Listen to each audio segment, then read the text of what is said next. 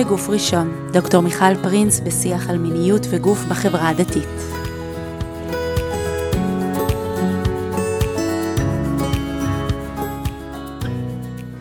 ברוכים וברוכות הבאות לפרק נוסף של הפודקאסט בגוף ראשון. אנחנו ממשיכים בפרק היום את אה, מה שהתחלנו בשבוע שעבר, בפרק הקודם, בעצם את השיחה על פגיעות מיניות אצל, אה, אצל גברים.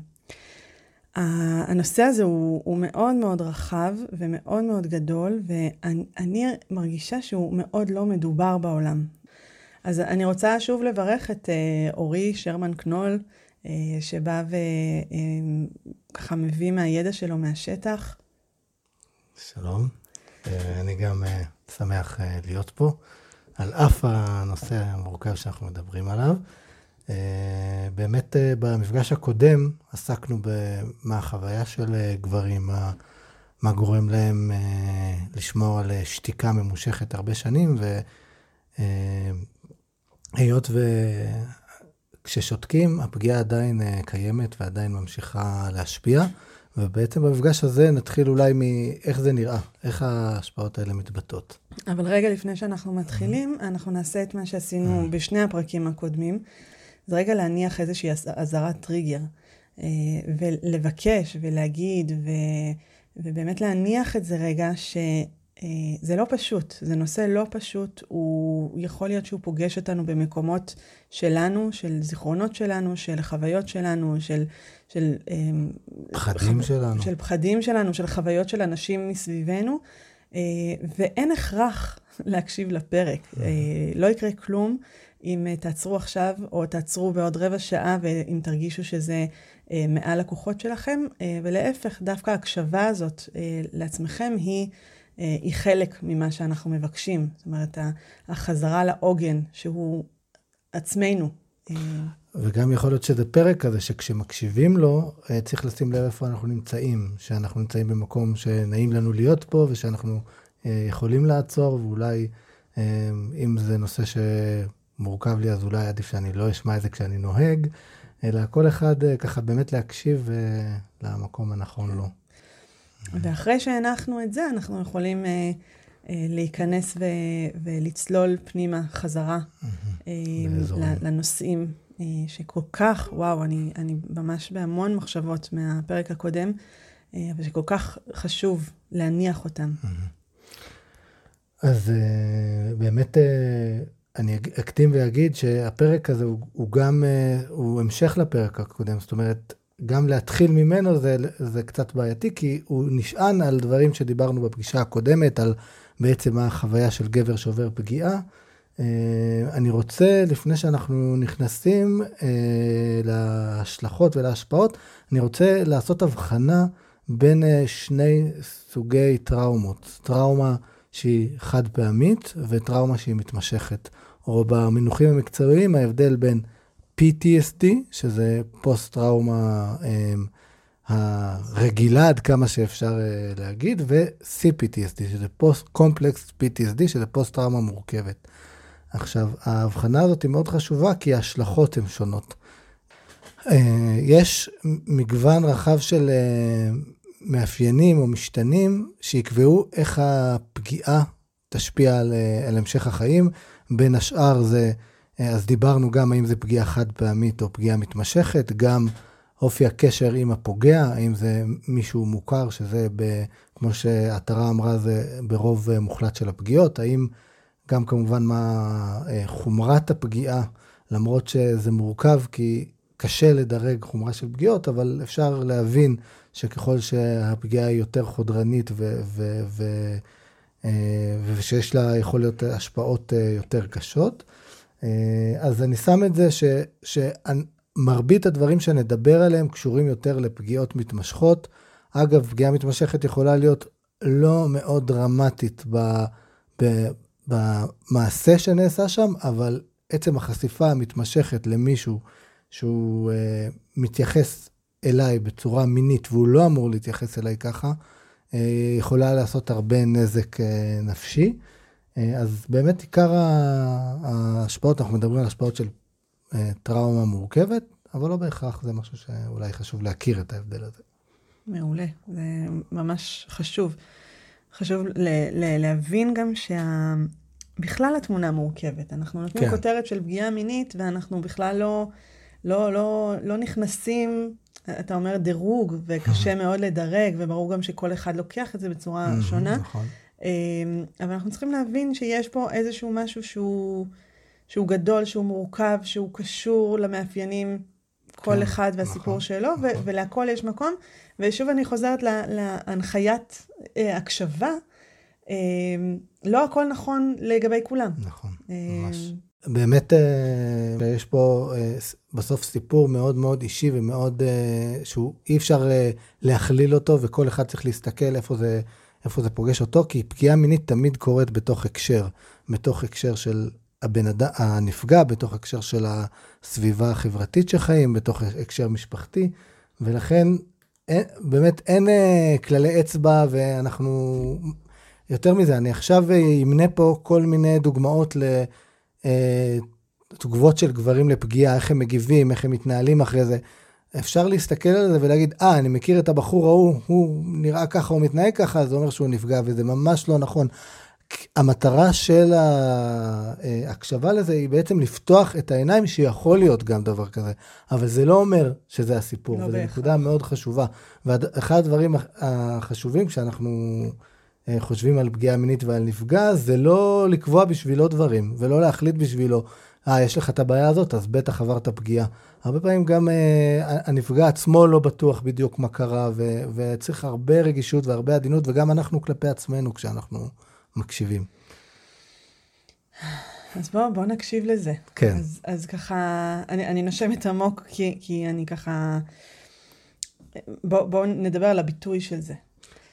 אז uh, באמת כש, כשלא מדברים, עדיין הפגיעה חיה ופועלת, ועטרה דיברה על זה הרבה בפרק הקודם, על זה שפגיעה מינית זה גם חוויה גופנית, זו חוויה שנרשמת בגוף, ויש לה ביטויים גופניים, יש לה, לדוגמה, הרבה פעמים אנשים מפתחים סימפטומים בכלל שקשורים למחלות גופניות, וזה ההשפעה של הפגיעה המינית.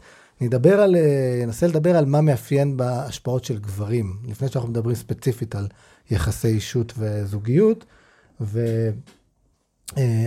ודבר אחד שאפשר לראות, הדוגמאות שאני, הדברים שאני מביא זה חלק מתוך חדר הטיפולים, חלק מתוך uh, מאמרים שנכתבו בנושא, שאין הרבה, וחלק מתוך uh, דברים שכתבות במדיה וכולי.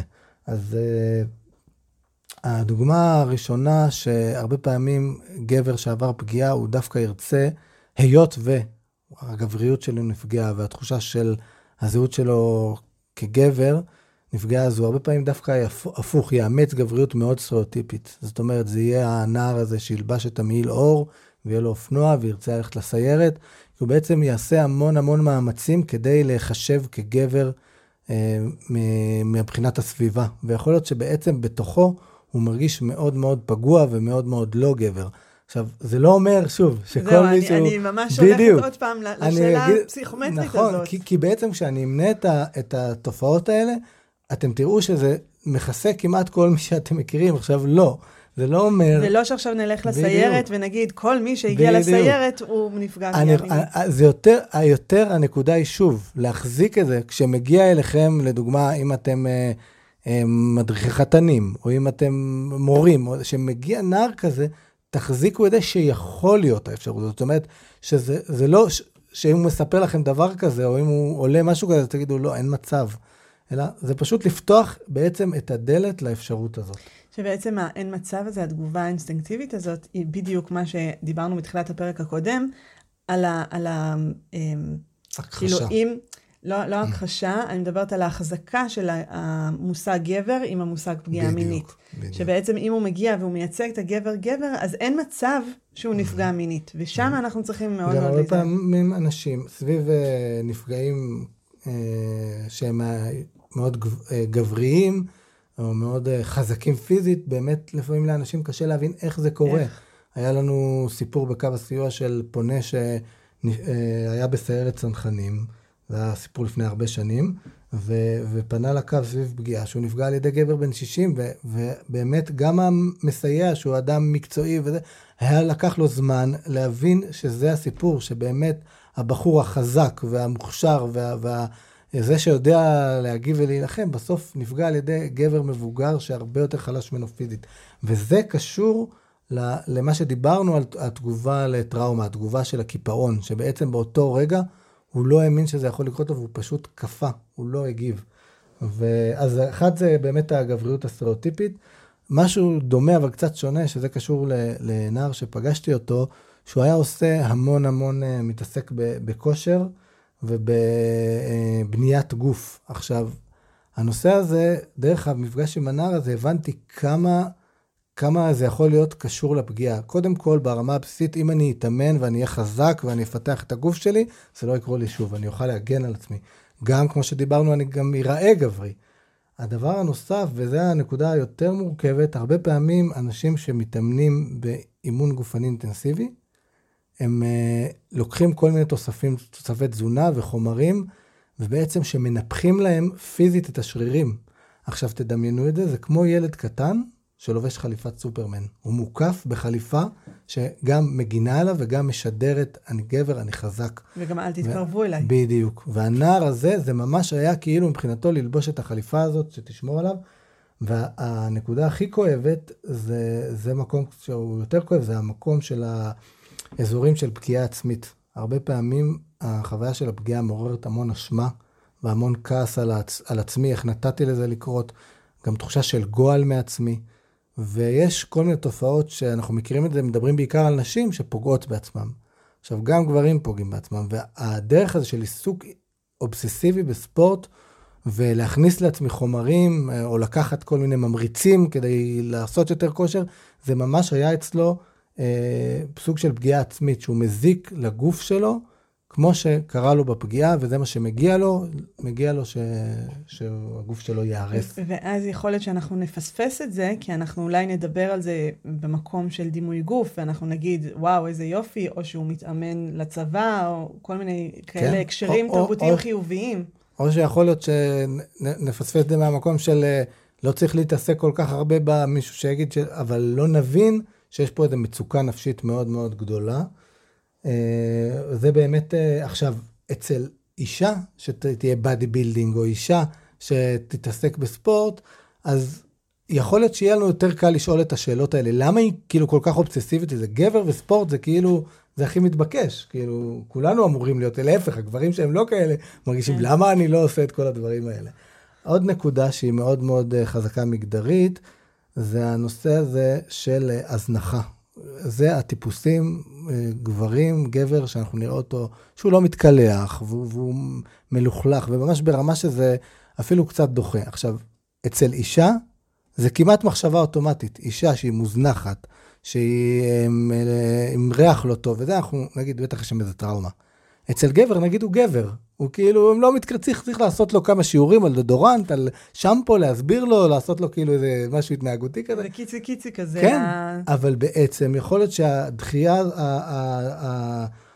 ההזנחה הזאת היא תוצאה גם של איזשהו דימוי עצמי מאוד פגוע סביב טראומה, וגם איזשהו דרך להרחיק ממני אנשים, שלא יתקרבו אליי, שאני אדחה אותם. שאני לא אהיה מושך. בדיוק. לא אמשוך עכשיו, אש. שוב, זה דברים שאנחנו, בעצם, זו תגובה מאוד דומה לגברים לנשים. הבעיה היא שאצל גברים נתקשה לראות את העובדה שגבר אה, נפגע, שהוא גם אה, בעצם מגן על עצמו בדרכים האלה. אה, בוא נשאל על, על, על, על איך זה בא לידי ביטוי בחיי אישות. זאת אומרת, הגבר אה, נפגע בילדות או בנערות, אה, כן התחתן ו... ומקיים אה, מערכת יחסים עם אשתו. מה קורה שם? מה אנחנו נראה שם שמדליק נורות אדומות? אוקיי, okay, אז אני אגיד קודם כל, כמובן, שוב, ועטרה אמרה את זה גם, וחשוב לציין, יש גם...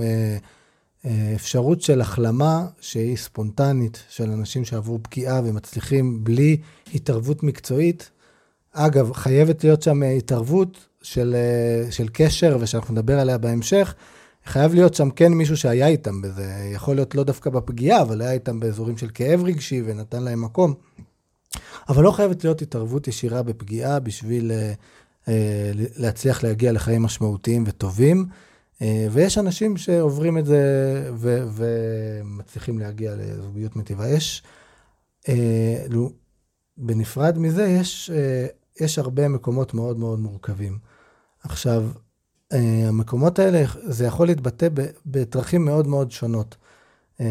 מרכיב אחד שיכול להיות מאוד משמעותי, זה הפגיעה יוצרת שמה את המיניות במרכז ואת הגוף במרכז ומייצרת איזושהי חוויה של, חוויה של אני זה הגוף שלי. זה, זה מי שאני, זה מה שטוב בי, ו, וחוויה של חשיבה, מחשבות כל הזמן על מיניות. ועבור אה, אה, גבר וגבר דתי זו חוויה מאוד מורכבת.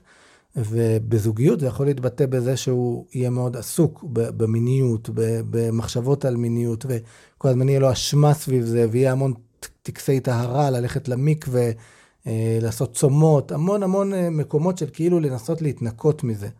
ו, והרבה פעמים לא יהיה, לא יהיה הבנה שזה קשור לאיזשהו טראומה, אלא לזה שהוא גבר והוא מאוד מיני. הוא מאוד מיני, כי גברים הם מאוד מיניים.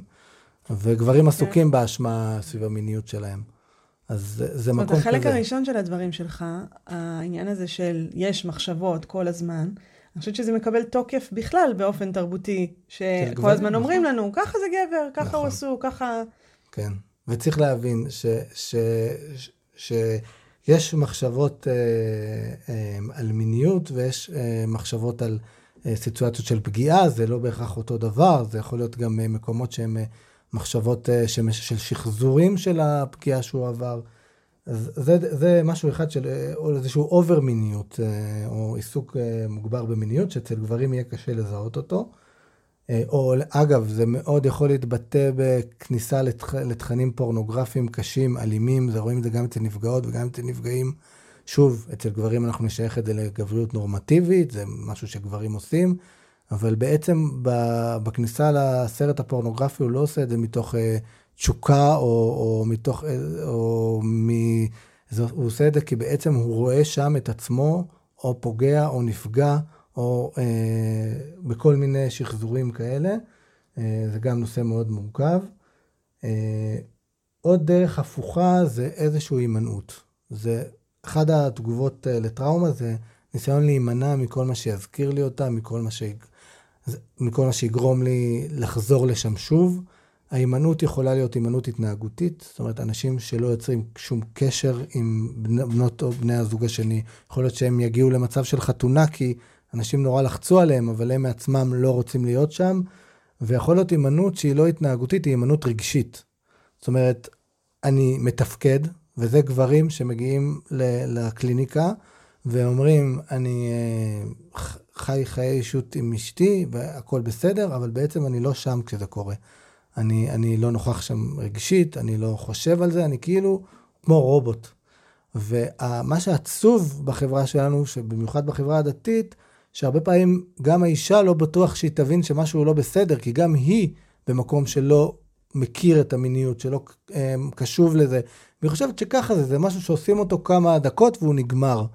וזה מייצר בעצם חיים של זוג שיכול להיות שיש להם המון דברים טובים ביחד והם נהנים אחד מהשני, אבל באזורים האלה, כשנכנסים לאזור הזה, יש שם איזשהו, על גבול המוות רגשי, איזשהו משהו מאוד מאוד מרוחק, מאוד מנוכר, אה, או כמובן, זה לא חייב להיות בקיצוניות הזאת, זה יכול להיות רגעים כאלה. אה, אז זה חלק שגם מאוד מאוד קשה לעלות עליו. זה אנשים שיכולים לחיות ככה שנים. אמ, קשה לעלות עליו, כי הרבה מאוד פעמים ההתייחסות ליחסי מין זה כאל משימה. נכון. כאל... אה, ציווי. אה, ציווי, זה פונקציה של, של מעשה. זאת אומרת, צריך נכון. לעשות את המעשה. עשית את המעשה, הצלחת. נכון. אה, לא, נכון. אם, אם גם נכנס לשם רגש, אחלה, נה, כאילו, נהנית, זה, זה טוב, אבל לא בהכרח. כן. בעצם, ה, ה, יש משהו ב... המאפיין החברתי והדתי שלנו, שהוא יכול להזמין את זה, את הניתוק הזה, את, ה, את ההיעדר אה, חוויה של הנאה, של עונג, של קשר. אתה אומר חברתי דתי, עולה לי מאוד חזק, שברור שבחברות אחרות אה, אותו דבר יכול לקרות. זאת אומרת, הציווי והמשימתיות וה, והאקט המיני הוא לחלוטין נוכח שם, אבל כן אני שומעת פה, ו, וברור שצריך לשים את זה על השולחן, שיש אה, ב... ה, אה, המאפיינים הדתיים, המחויבות הדתית, ה, אה, הפסוקים שמלווים את הדבר הזה בהחלט יכולים להיות עוד פן שמחזק את הדבר גם, הזה. גם ה... שהרבה פעמים אנחנו כאנשים דתיים שמים את הרוח לפני החומר. הגוף הוא חומרי, הגוף הוא כאילו פחות חשוב. עכשיו, בהחלט, גם, ב, גם ב, בחברה הכללית אה, יכול להיות אה, התייחסות למיניות כמשהו אינסטרומנטלי, כמה שאני עושה כי אני צריך, בטח אצל גברים. אה, זה משהו שהוא, אם דיברנו בפגישה הקודמת, ומשה דיבר על זה, משה, על, ה, על החלקים של המיניות, יש למיניות חלק חברתי, של איזשהו פרפורמנס, שאני עושה משהו והוא אומר עליי כל מיני דברים, ואני לא בהכרח נוכח שם. אז, אז אני אגיד שאצל נפגעים זה אחד התגובות שיכולות להיות, שאיזשהו תפקוד שהוא לגמרי כביכול תקין ומלא, בפועל הוא חסר אה, רגש, חסר תשוקה, חסר חיות, והוא מאוד טכני. אה, אני רוצה להגיד שמה שלפעמים מוציא אה, את הזוג או את הגבר מהמעגל או מה, מהתגובה הזאת זה כל מיני טריגרים. כי בעצם מה שהתגובה הזאת של התפקוד, היא מאפשרת תמונה של כאילו הכל בסדר, ואנחנו זוג, הכל בסדר אצלנו והכל אצלי בסדר. ואז הרבה פעמים אין אפילו זיכרון של הטראומה, זאת אומרת יש איזושהי תגובה כזאת, ואז כשיש איזשהו אירוע של טריגר שמזכיר או משהו שקורה בחיים, שמעלה את הזיכרון של הטראומה, פתאום גם התפקוד נפגע. וזה אולי הזדמנות להגיד, עוד שניה נדבר גם על הטריגרים, על אה, השפעה אחרת, שזה חוסר יכולת לתפקד. וזה משהו שאנחנו מאוד מכירים גם, אה, שאיזשהו בעיות בתפקוד מיני, שקשורים ליכולת אה, ל- להחזיק אה, אה, תשוקה מינית, או להחזיק אה, פיזית אה, אה, אקט מיני. אה, או כל מיני אה, מצבים של אה, הרבה בעיות פיזיולוגיות או תפקודיות שקשורות לחרדה ממיניות, לתכנים טראומטיים שנמצאים שם. ששם, מה שאנחנו נפגוש הרבה פעמים, שהפתרון שה... שמציעים זה פתרון פיזיולוגי. זאת אומרת, באת עם בעיה פיזיולוגית, אתה תפנה ל, לרופא לצורך העניין, אה, או למטפל המיני אה, שדואג לפיזיולוגיות, ו, ואתה לא תשאל, רגע, למה זה קורה? ממש, במיוחד אצל גברים. במיוחד. שוב, אצל נשים, אם נדבר על uh, בעיות של uh, וגינוסמוס או דברים כאלה, אנחנו נחשוב טראומה. אנחנו נחשוב, להפך, יהיה לפעמים קשה להגיד, רגע, יכול להיות שיש פה משהו רק פיזיולוגי. אצל גברים זה המצב ההפוך, שבעצם אנחנו אוטומטית נלך לבעיות הקונקרטיות, ננסה למצוא פתרון קונקרטי, ניתן את הכדור שיפתור את הבעיה, נהיה ממוקדים בתפקוד, במקום לחשוב על הרגש והחוויה ועל האפשרות שיש שם דברים עמוקים יותר ופגיעות עמוקות יותר. שזאת אמירה סופר משמעותית, והיא גם, אני מרגישה שהיא לאו דווקא גם יושבת על מקום שהוא, אה, שהוא של טראומה. נכון. זאת אומרת, יכול לבוא גבר ולהגיד, יש לי בעיה בתפקוד מיני, או משהו שם לא עובד כמו שהייתי מצפה שהוא יעבוד, או כמו שמצפים ממני שהוא יעבוד, ואנחנו רגע נעצור ונשאל מה קורה, מה קורה בתוך הסיטואציה, מה קורה בזוגיות. אה, אפילו לא ממקום טיפולי, אלא רק רגע, תקשיב לזה, כי כן, הגוף שלנו מגיב, כמו ש... אם אני עכשיו, אה, אה, נעים לי וטוב לי, אז יהיה לי תיאבון, ואם לא נעים לי, אז התיאבון יכול לרדת. לגמרי, עכשיו אני אסבך את זה עוד יותר, כי זה יאללה. התפקיד שלי לסבך. עבור הרבה גברים, זה מה שהם רוצים. כאילו, אתה עכשיו מתחיל להתקשקש איתי על כל הדברים שהיו לי בעבר, לא היו לי בעבר, רגשות וזה, תן לי משהו שיפתור לי את הבעיה. תן לי עכשיו את, ה, את הדבר הזה ש, שישים את זה מאחוריי. ו... ואני... לא, וגם לא זה, לא רק זה, זה גם העניין הזה של אני פה מול אישה, אני צריך, צריך בדיוק, לגרום להנאה, אני צריך להוכיח את עצמי. אני צריך להיות זה שמוביל, שדומיננטי, שיודע מה עושים בסיטואציות האלה, ויש פה נקודה נורא טריקית ונורא מורכבת, כי אנחנו צריכים כמי שמטפלים, או בכלל, שאנחנו מדברים עם גבר, אז אנחנו צריכים להיות מאוד קשובים אליו. ויכול להיות שעכשיו, למרות שאני כמטפל רואה שיש פה הרבה הרבה יותר דברים אחרים, אני צריך קודם ללכת איתו ולנסות את הדברים האלה, ובסוף זה גם לפעמים יותר פשוט לנסות את הדברים האלה. ולפעמים גם אנשים זה מה, ש... זה מה שהם צריכים, וזה עוזר להם להמשיך בחיים. אנחנו לא אמורים עכשיו, לא כמי שעובד עם טראומה, אנחנו לא אמורים עכשיו לפתוח בהכרח את כל הטראומות ולהיכנס הכי לעומק, לא, לפעמים הדברים היותר בסיסיים והיותר על פני השטח הם גם מה שנכונים לבני אדם. כמובן, אם מישהו ירצה להיכנס, ואנחנו צריכים לאפשר את זה, אנחנו צריכים להיות שם, אנחנו צריכים שיהיה לנו את המסוגלות להיות שם, אבל זה, זה לא בהכרח אה, שיש רק פתרון אחד לנושא הזה.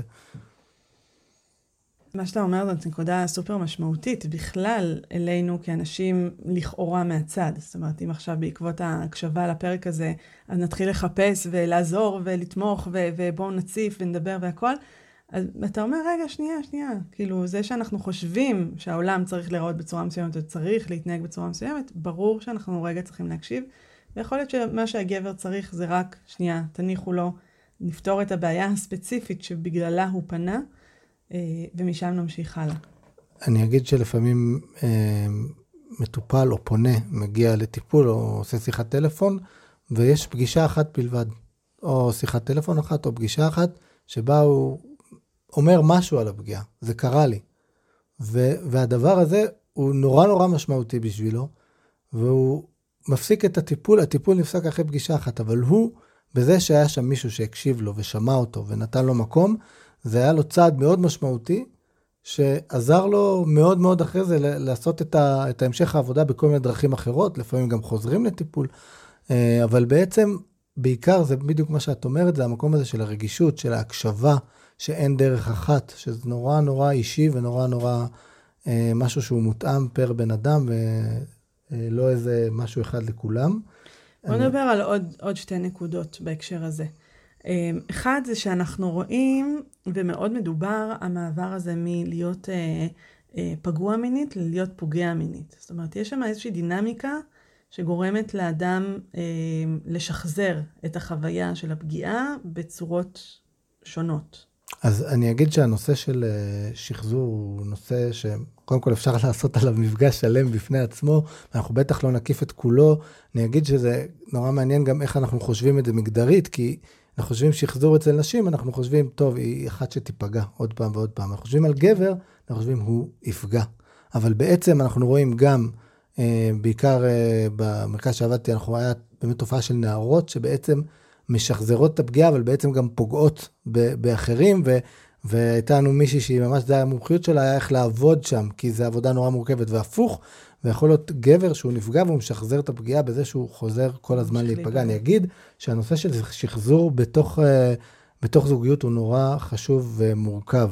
השחזור יכול להיות קודם כל כן ב, ב, ביחסי אישות, ביחסים שהם אולי פוגענים, או, או, או באלמנטים של ניצול, או שאולי הגבר מצפה מהבת הזוג שתהיה בתפקיד שמשפיל אותו, שפוגע בו, ולפעמים האישה לא יודעת, היא רוצה להיות אה, בת זוג טובה, ואם זה מה שהוא מבקש, אז אני צריכה לעשות את זה, ואין איזה הבנה, יכול להיות, מקשרים את זה לכל מיני דברים אחרים, ולא מבינים שיש פה איזה משהו שצריך אה, אה, אה, להסתכל עליו בצורה מורכבת יותר, וכמובן, אה, מצב שבו גבר מתנהל בבית כ, כפוגע, כאלים, כ... עכשיו, השחזור לא חייב להיות ביחסי אישות, הוא יכול להיות בזוגיות, הוא יכול להיות זוגיות שמייצרת, אה, אני אגיד, זה יכול לייצר אה, יחסים של קורבן ותוקפן, זה יכול לייצר יחסים של מושיע ומי שהמציל והניצול, זה יכול להיות כל מיני שחזורים מורכבים, אה, שלא תמיד מבינים אותם ולא תמיד מבינים את ההקשר. אה, ואמרת קודם שיש טריגרים במהלך החיים, נכון. ש... שיכולים פתאום אה, להדליק איזה משהו שהיה אה, מאוד כבוי במשך נכון, שנים. נכון, נכון. אז הטריגר אה, יכול להיות אה, טריגר ממש אה, קונקרטי, כמו אה, אה, שיר ש, ששמעתי בו, שהיה ברקע של, שקרה הפגיעה, או ריח, ממש ברמה הכי גופנית והכי ראשונית.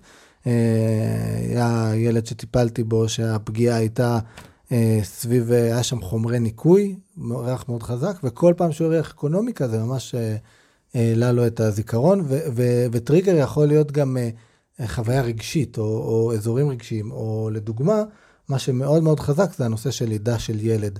אנחנו רואים שהרבה פונים מתקשרים סביב הפיכה, המעבר לאבהות, הלידה, בחיים מאוד כן, משמעותי. הכניסה של הילד אה, לבית היא גם אה, גורמת לאבא להרגיש אחריות, אני רוצה להגן עליו, אני רוצה שהוא לא ייפגע, גם החשש לפעמים של אבות שהם יפגעו בבנים שלהם.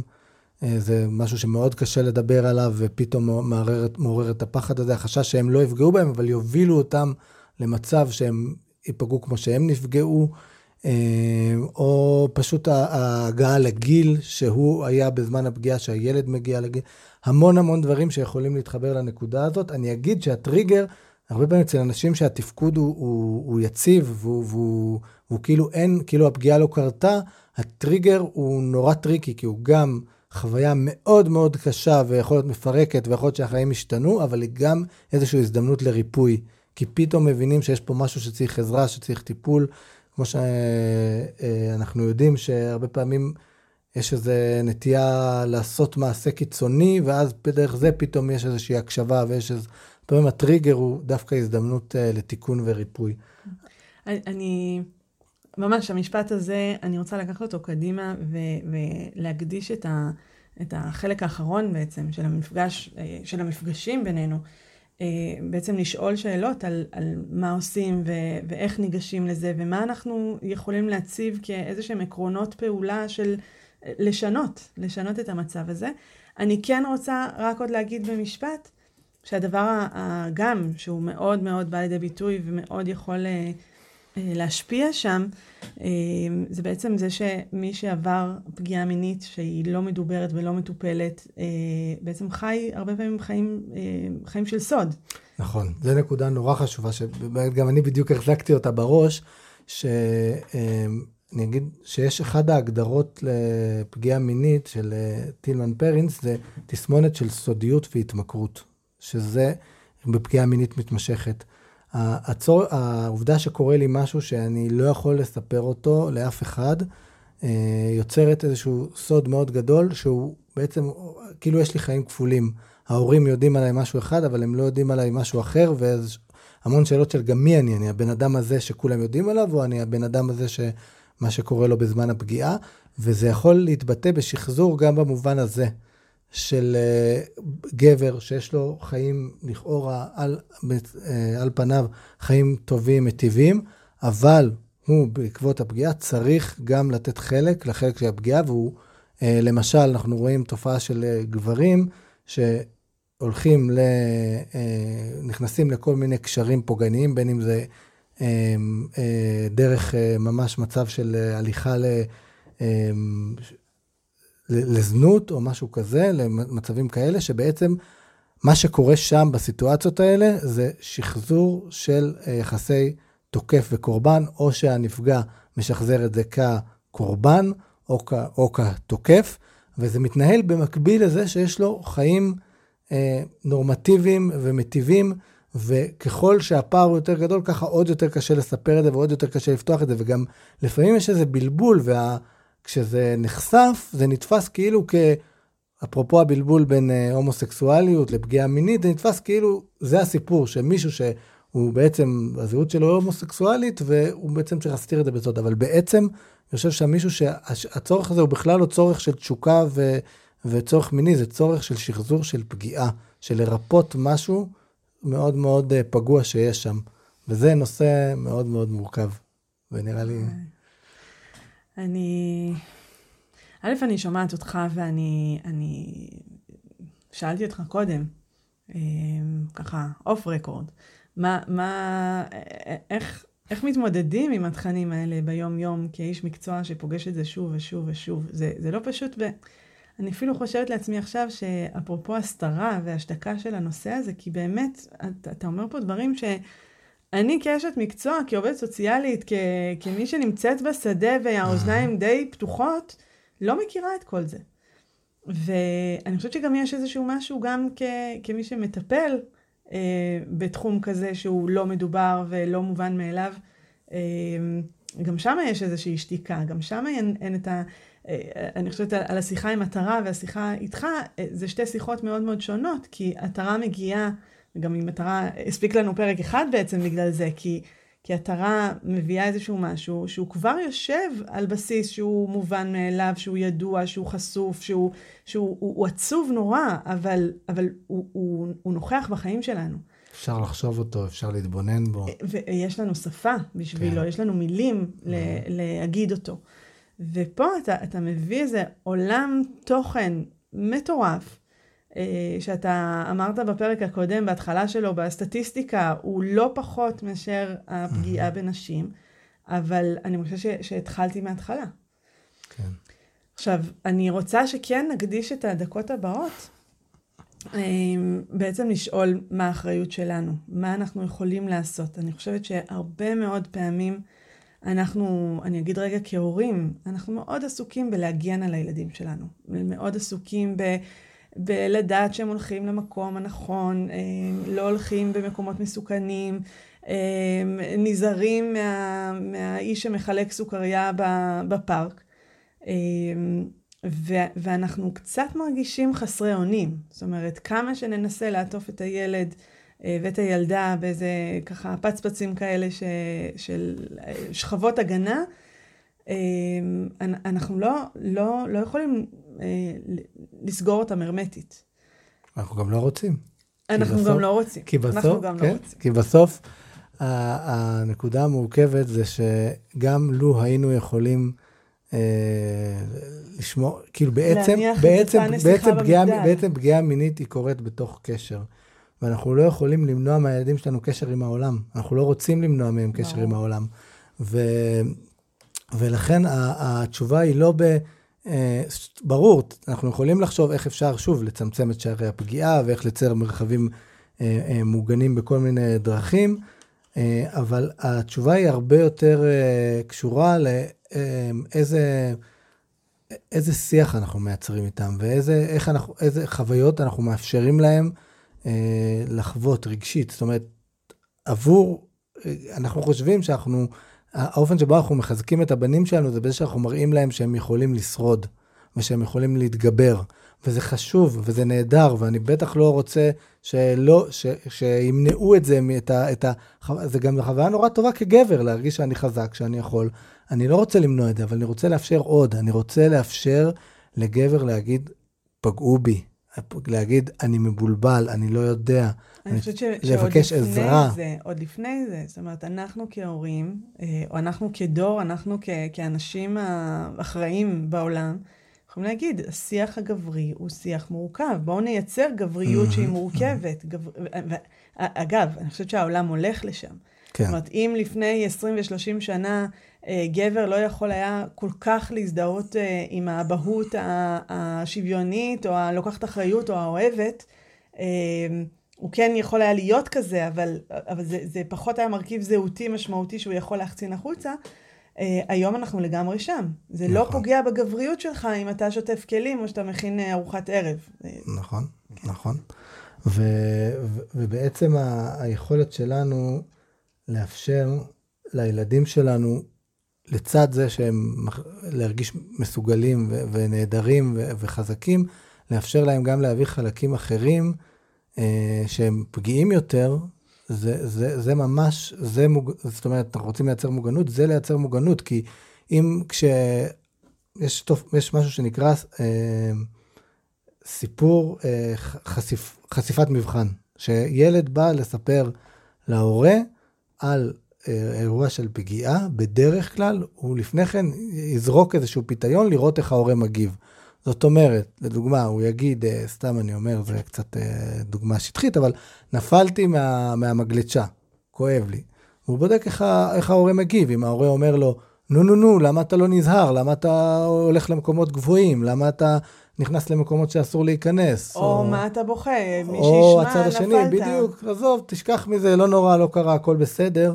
ובעצם דרך זה הוא בודק את התגובה ההורית. א', אם מאמינים לו, אם מאשימים אותו, אם באמת יש פה בעיה, או כמו שאת אמרת, זה שאנחנו רגילים לעצב, לעצב רגשות, הילד הוא בדיוק בתהליך הזה, ואם הוא, הוא לומד לעצב את הרגש, והוא לומד שהוא לא אמור להרגיש פגיעה, הוא בעצם מבין שאת הסיפור הגדול יותר אני בטח לא אספר, כי יאשימו אותי, כי לא יאמינו לי, כי כי זה לא כזה סיפור ולא צריך לעשות אה, עניין מדברים. אז בעצם... רגע, רגע, אני ממש בוער בי להגיד, אבל זה לא אומר שכל התגלשות במגלשה שהוא נפל, מחייבת עכשיו שיחה, בוא נפתח את זה, נכון, וכן. נכון.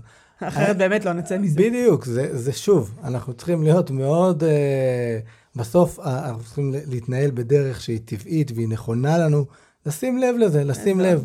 לשים לב להיות קשובים ולתת לילדים בעיקר, לתת להם גם מקומות להראות, להראות פגיעות וחולשה. ואני חייבת להגיד שהרגע שאחרי, זאת אומרת, מרגע שהוא חשף את זה, אני חושבת ששם יש לנו אחריות מאוד מאוד גדולה. זאת אומרת, אנחנו רואים ממש שאת הסיפורים האלה שמסופרים אחרי 20 שנה, ש... אבל אמרתי להורים שלי, נכון. אבל הם לא האמינו, נכון. אני חושבת שהרבה פעמים, אני לא עשיתי סטטיסטיקה, אבל הרבה פעמים זה מעצב את הסיפור של הפגיעה. נכון. ופה יש לנו אחריות ממש ל... ל- לאמן את השריר הזה של, של להאמין לילד. כן, כשכבר מספרים לנו על פגיעה זה נורא נורא חשוב, כי בעצם כשאדם שעבר פגיעה, הוא לא, לרוב לא מצליח לחשוב את הפגיעה, לחשוב, להבין אותה. וכשהוא מספר למישהו אחר, הוא בעצם גם מספר את זה לעצמו לפעמים בפעם הראשונה. והתגובה של מי ששומע את זה היא נורא נורא קריטית. כמו שמיכל אמרת, זה ממש יכול לעצב את כל תהליך ההחלמה אחרי זה. אה, ולדעת שגם לנו כהורים זה, זה מאוד מאוד קשה, וזה בסדר גם לפעמים אם אנחנו עושים טעויות, אם אנחנו אחרי זה מתייעצים ומתקנים את זה, וזה בסדר ממש. לעשות טעויות, וזה חלק בלתי נפרד מלהיות הורה ומלהיות uh, בקשר, זה גם לעשות טעויות. אני רוצה להגיד שבעצם מה שהנפגע הרבה פעמים צריך, יותר מאשר uh, שעכשיו uh, ייקחו אותו למשטרה, ישימו את הפוגע בכלא, הוא צריך קודם כל הכרה. הכרה בזה שהדבר הזה קרה לי, כי הפוגע עושה המון המון מניפולציות והמון המון משחקים. מחשבתיים וכל מיני דברים, כדי לגרום לנפגע לחשוב שזה לא בדיוק היה ככה, אולי טעיתי, אולי רציתי את זה, וההכרה בזה... אולי רק דמיינתי את זה. כן, אולי רק דמיינתי את זה, וההכרה בזה, כן, זה קרה, וזה, וזה לא באשמתך, וזה משהו ש, אה, שהוא קורה גם לאחרים, זה, אתה לא לבד בתוך הסיפור הזה. כל החלקים האלה הם נורא נורא חשובים. והרבה פעמים הנפגע יעשה המון המון דרכים כדי לזכות בהכרה הזאת בצורות לא טובות. הוא ייכנס לכל מיני בעיות, הוא יעשה המון המון רעש, בעצם בשביל זה שיכירו בזה שיש לו כאב שהוא, שהוא חווה אותו, שהוא עבר. אנחנו ממש לקראת סיום. אני, אני, רוצה עוד נקודה אחת. שנתעכב עליה. Uh, אני חושבת שדווקא במקום הזה יש uh, המון מקום לחינוך למיניות בריאה. ולמקום של מגע בכלל בחיים שלנו. אני, אני אשמח שככה קצת תרחיב על זה, אבל uh, אני חושבת שה... Uh, לא יודעת אם המניעה הכי טובה, אלא בעצם התמונת ראי של הפגיעה, זה לבוא רגע ולדבר על הצד השני של הרצף, ולהגיד, אה, להגיד, לחנך, להיות ב... אה, בזה שהגוף שלנו הוא דבר מאוד חיובי, שיש לו מקום. אני אגיד שבהחלט, אני אגיד שאחד משערי הפגיעה, או אחד מהמקומות שהפוגעים אה, מצליחים מאוד להיכנס דרכם אל הנפש של הנפגע, זה דרך צרכים שיש לנו כבני אדם, צרכים רגשיים, צרכים אה, פיזיים, כולנו כבני אדם צריכים שיראו אותנו, צריכים שיעריכו אותנו, וכולנו גם צריכים מגע. יש אה, ניסוי מאוד מפורסם של בולבי שהוא גידל קופים, הוא גידל שלושה קופים, קוף אחד היה עם אימא שעשויה מברזל, קוף אחד היה עם קופה אימא שעשויה מפרווה, וקוף אחד היה עם האימא האמיתית שלו. ניסוי מזעזע, נוראי, שלא צריך לקרות ולא אה, עשו אותו היום, אבל הניסוי הזה הראה שהקוף שגדל עם האימא מברזל מת בגיל מאוד צעיר. הוא קיבל אוכל, הוא קיבל שינה, הוא קיבל את כל הצרכים שלו חוץ ממגע. והקוף שהיה עם, ה, עם, ה, עם האימא מפרווה הרכה, הוא אה, אמנם הצליח לשרוד, אבל התפקוד המוחי שלו נפגע. ובעצם הניסוי הזה המחיש שמגע פיזי וקרבה פיזית זה צורך הישרדותי. עכשיו, יש את הצורך הזה, לא משנה אם אתה גבר או אישה. עכשיו, אנחנו, אם תסתכלו על ילדים בגן, תסתכלי על ילדים בגן, את תראי שעד גילאי 3-4, כולם הולכים ידיים אחד עם השני, לא משנה, בנים, בנות, מאיזשהו גיל, את לא תראי שתי לא בנים נותנים לזה, לא תראי שתי בנים נותנים לזה, אנחנו לא נראה היום שתי גברים, ואם נראה, אנחנו נייחס את זה למשהו מיני. אנחנו נגיד, טוב, הם בטח זוג.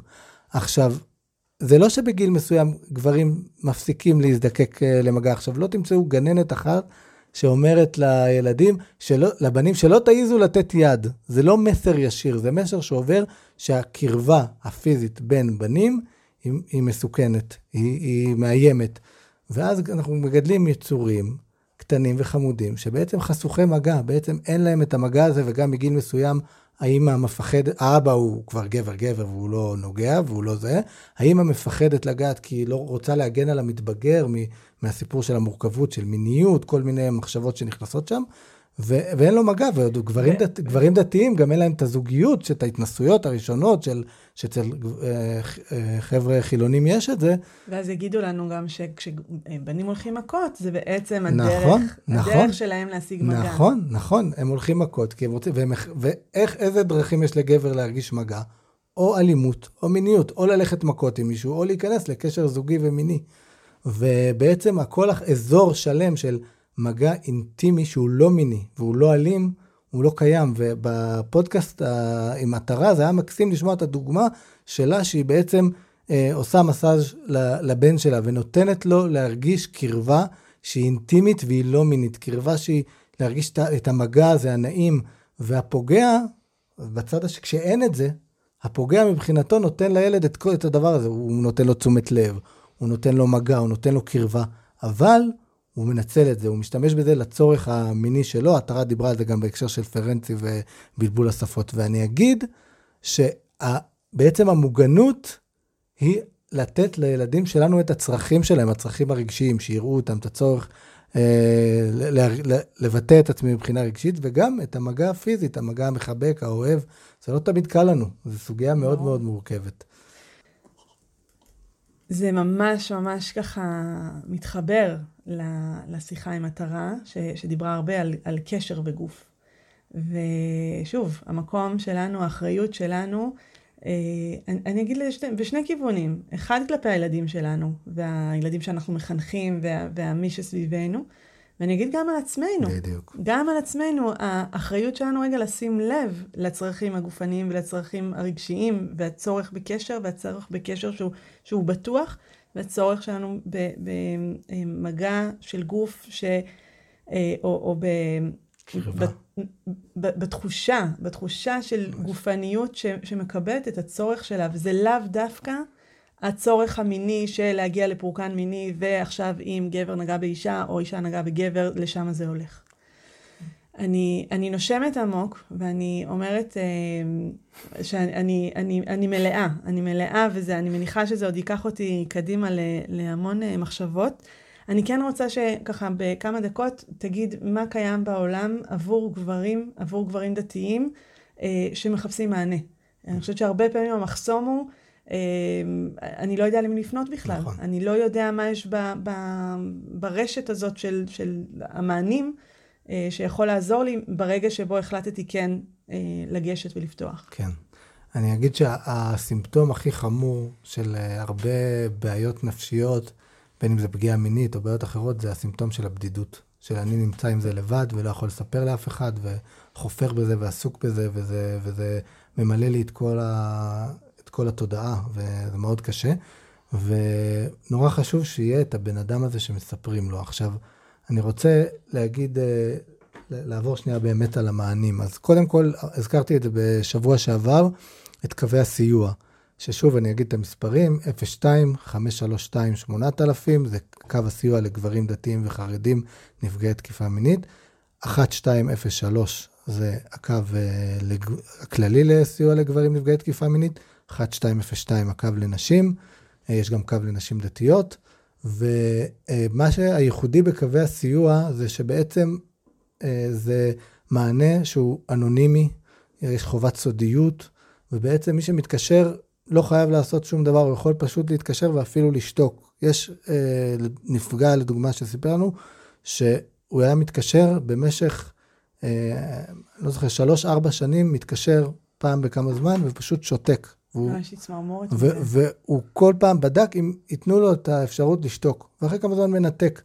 ואחרי איזושהי תקופה מאוד ארוכה, הוא בא ואמר, התחיל בזה להגיד, קרה לי משהו.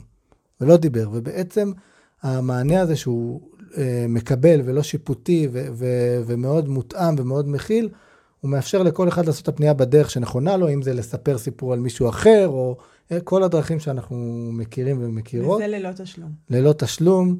אה, קווי הסיוע גם ידעו תמיד אה, להפנות, אם יש צורך. קו, מרכזי הסיוע לא נותנים טיפול, הם עושים את ההפרדה הזאת, זה גם הפרדה נורא חשובה, בדיוק בד... למנוע מצבים, דוגמה של ניצול, שיכולים להיות, שמישהו פונה אליי, אז אני כבר אוסף אותו אה, אליי לקליניקה, וכבר מחליט לו אלף ואחד דברים. יש הפרדה מאוד ברורה, יש חיץ בין הנושא של טיפול וסיוע. זו נקודה מאוד משמעותית. אה, יש גם סיוע בהליכים פליליים אם צריך, ויש באמת מגוון רחב של שירותים. שווה להיכנס אה, באינטרנט, לחפש מרכזי הסיוע, להכיר את זה. חוץ ממרכזי הסיוע, יש משהו שכהורים לילדים מאוד חשוב להכיר. לפני כמה שנים המדינה קיבלה החלטה מאוד מש, משמעותית, בערך לפני עשור, שילדים שעברו פגיעה מינית וההורים שלהם זכאים לליווי ללא תשלום. זה טיפולים ארוכי טווח או הדרכות הורים. ההורים יכולים להגיע בלי הילד, ההורים, אה, אפשר גם לפעמים הילד בלי ההורים, יש אלף ואחד אה, אפשרויות איך אה, לסייע, והמרכזים האלה פרוסים בכל רחבי הארץ. זה לגבי טיפול. יש מענה ראשוני שהוא כמו מד"א, הוא ממש כמו חדר מיון, שזה נקרא מרכזי הגנה, אה, שגם פזורים ברחבי הארץ, מרכזי הגנה לילדים, שיש שם את כל מה שילד צריך סביב פגיעה, שזה אומר את הבדיקה הרפואית, את הייעוץ המשפטי, את המענה הראשוני הטיפולי. זה מקום שאתה מגיע אליו, הכל מאוד מסודר, מאוד נוח, גם אפשר להתקשר אליהם בצורה אנונימית ולהתייעץ.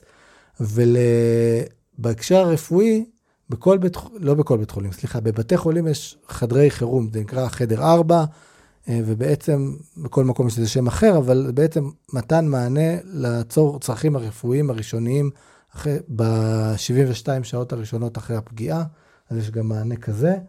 ולמבוגרים יש היום גם, זה גם משהו שהוא חדש ממש בשנים האחרונות, שיש מרכזים טיפוליים ויחידות טיפוליות שנותנים טיפול חינם למבוגרים.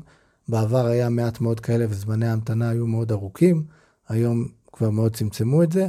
וכמובן, יש את הטיפול דרך הקופה ואת הטיפול הפרטי וכל האפשרויות האחרות. אמ, אז זה ככה, כמובן, כל מה שצריך, אפשר להתקשר, לשאול, להתייעץ. העיקר לא להיות עם זה לבד. מעולה, וואו. עוד משהו אחד, בבקשה. אני אגיד, כן, שקווי הסיוע ו... ועוד גופים אחרים עושים היום המון עבודה חינוכית. דיברנו על מיניות בריאה, ש... ש... אה, בעצם אה, את, המר... את אה, מרכז יעל ש... שנותן מענה, ויש המון עבודה חינוכית שאפשר להזמין דרך הרבה גופים כדי בדיוק לקדם את השיח הזה. יש התערבויות עם קהילות במצבי משבר, כשפגיעה נפתחת במשפחה או נפתחת בקהילה זה סיפור, ויש ליוויים ממש, אנחנו נכנסים לקהילה ומלווים את, ה, את הגורמים בקהילה, את המשפחות של הנפגע, ויש המון המון התערבויות שהן יותר חברתיות, חינוכיות, ויש באמת, ברוך השם, אפרופו אופטימיות, אנחנו נמצאים בעידן שיש המון המון שירותים והמון המון דברים שאפשר לעשות, כדי שנחיה בחברה יותר מוגנת ויותר בטוחה ויותר מהנה וכיפית. סך הכל זה החיים, החיים הם גם כיפים ומהנים ויש המון טוב. זה לא רק החוויות הקשות האלה. תודה, אורי. אנחנו... וואי, אני אשאר עם המשפט האחרון שלך, אבל גם עם כל השאר. אה, אני חוזרת ואומרת, ההקשבה, אני יושבת פה, אני מקשיבה, לא פשוט. זה לא פשוט, וזה לא פשוט אם זה מעורר איזשהו משהו. אה, אנחנו נשים את כל הפרטים גם אה, צמוד ככה לפרק עצמו, אז תהיה נגישות לאיך פונים ולמי פונים. אה, שיהיה לכולנו בהצלחה, הייתי אומרת, אה, גם, גם בתחום הזה. אני רוצה להגיד לך תודה גדולה, אה, אורי, על כל הידע שהבאת ועל כל ה... בכלל, על המושקעות בזה. זאת אומרת, זה לא פשוט, אני יודעת שזה לא פשוט להיות במקומות האלה יום אחרי יום, לשמוע עוד סיפור ועוד סיפור, זה לפעמים יכול להיות מאוד, מאוד מדכא גם. אה, אז תודה שאתה שם בשביל כולנו, אה, אתה ועוד חברים. חשוב ו... להגיד, לקו יש 40 מתנדבים, ולקו הגברים אה, הכללי יש עוד בערך משהו כזה, 40-50 מתנדבים, ויש עוד מתנדבי עבר, יש ממש, אנחנו קהילה שלמה, קהילה שלמה שפועלת למען נפגעים ולמען חברה בטוחה יותר. מדהים. אני רק בורג קטן בתוך זה. אז תודה רבה לאורי, ותודה רבה לצופיה וינדיש על ההפקה ועל העריכה ועל ההקשבה פה. ואנחנו ניפגש בפרק הבא של אה, בגוף ראשון. להתראות.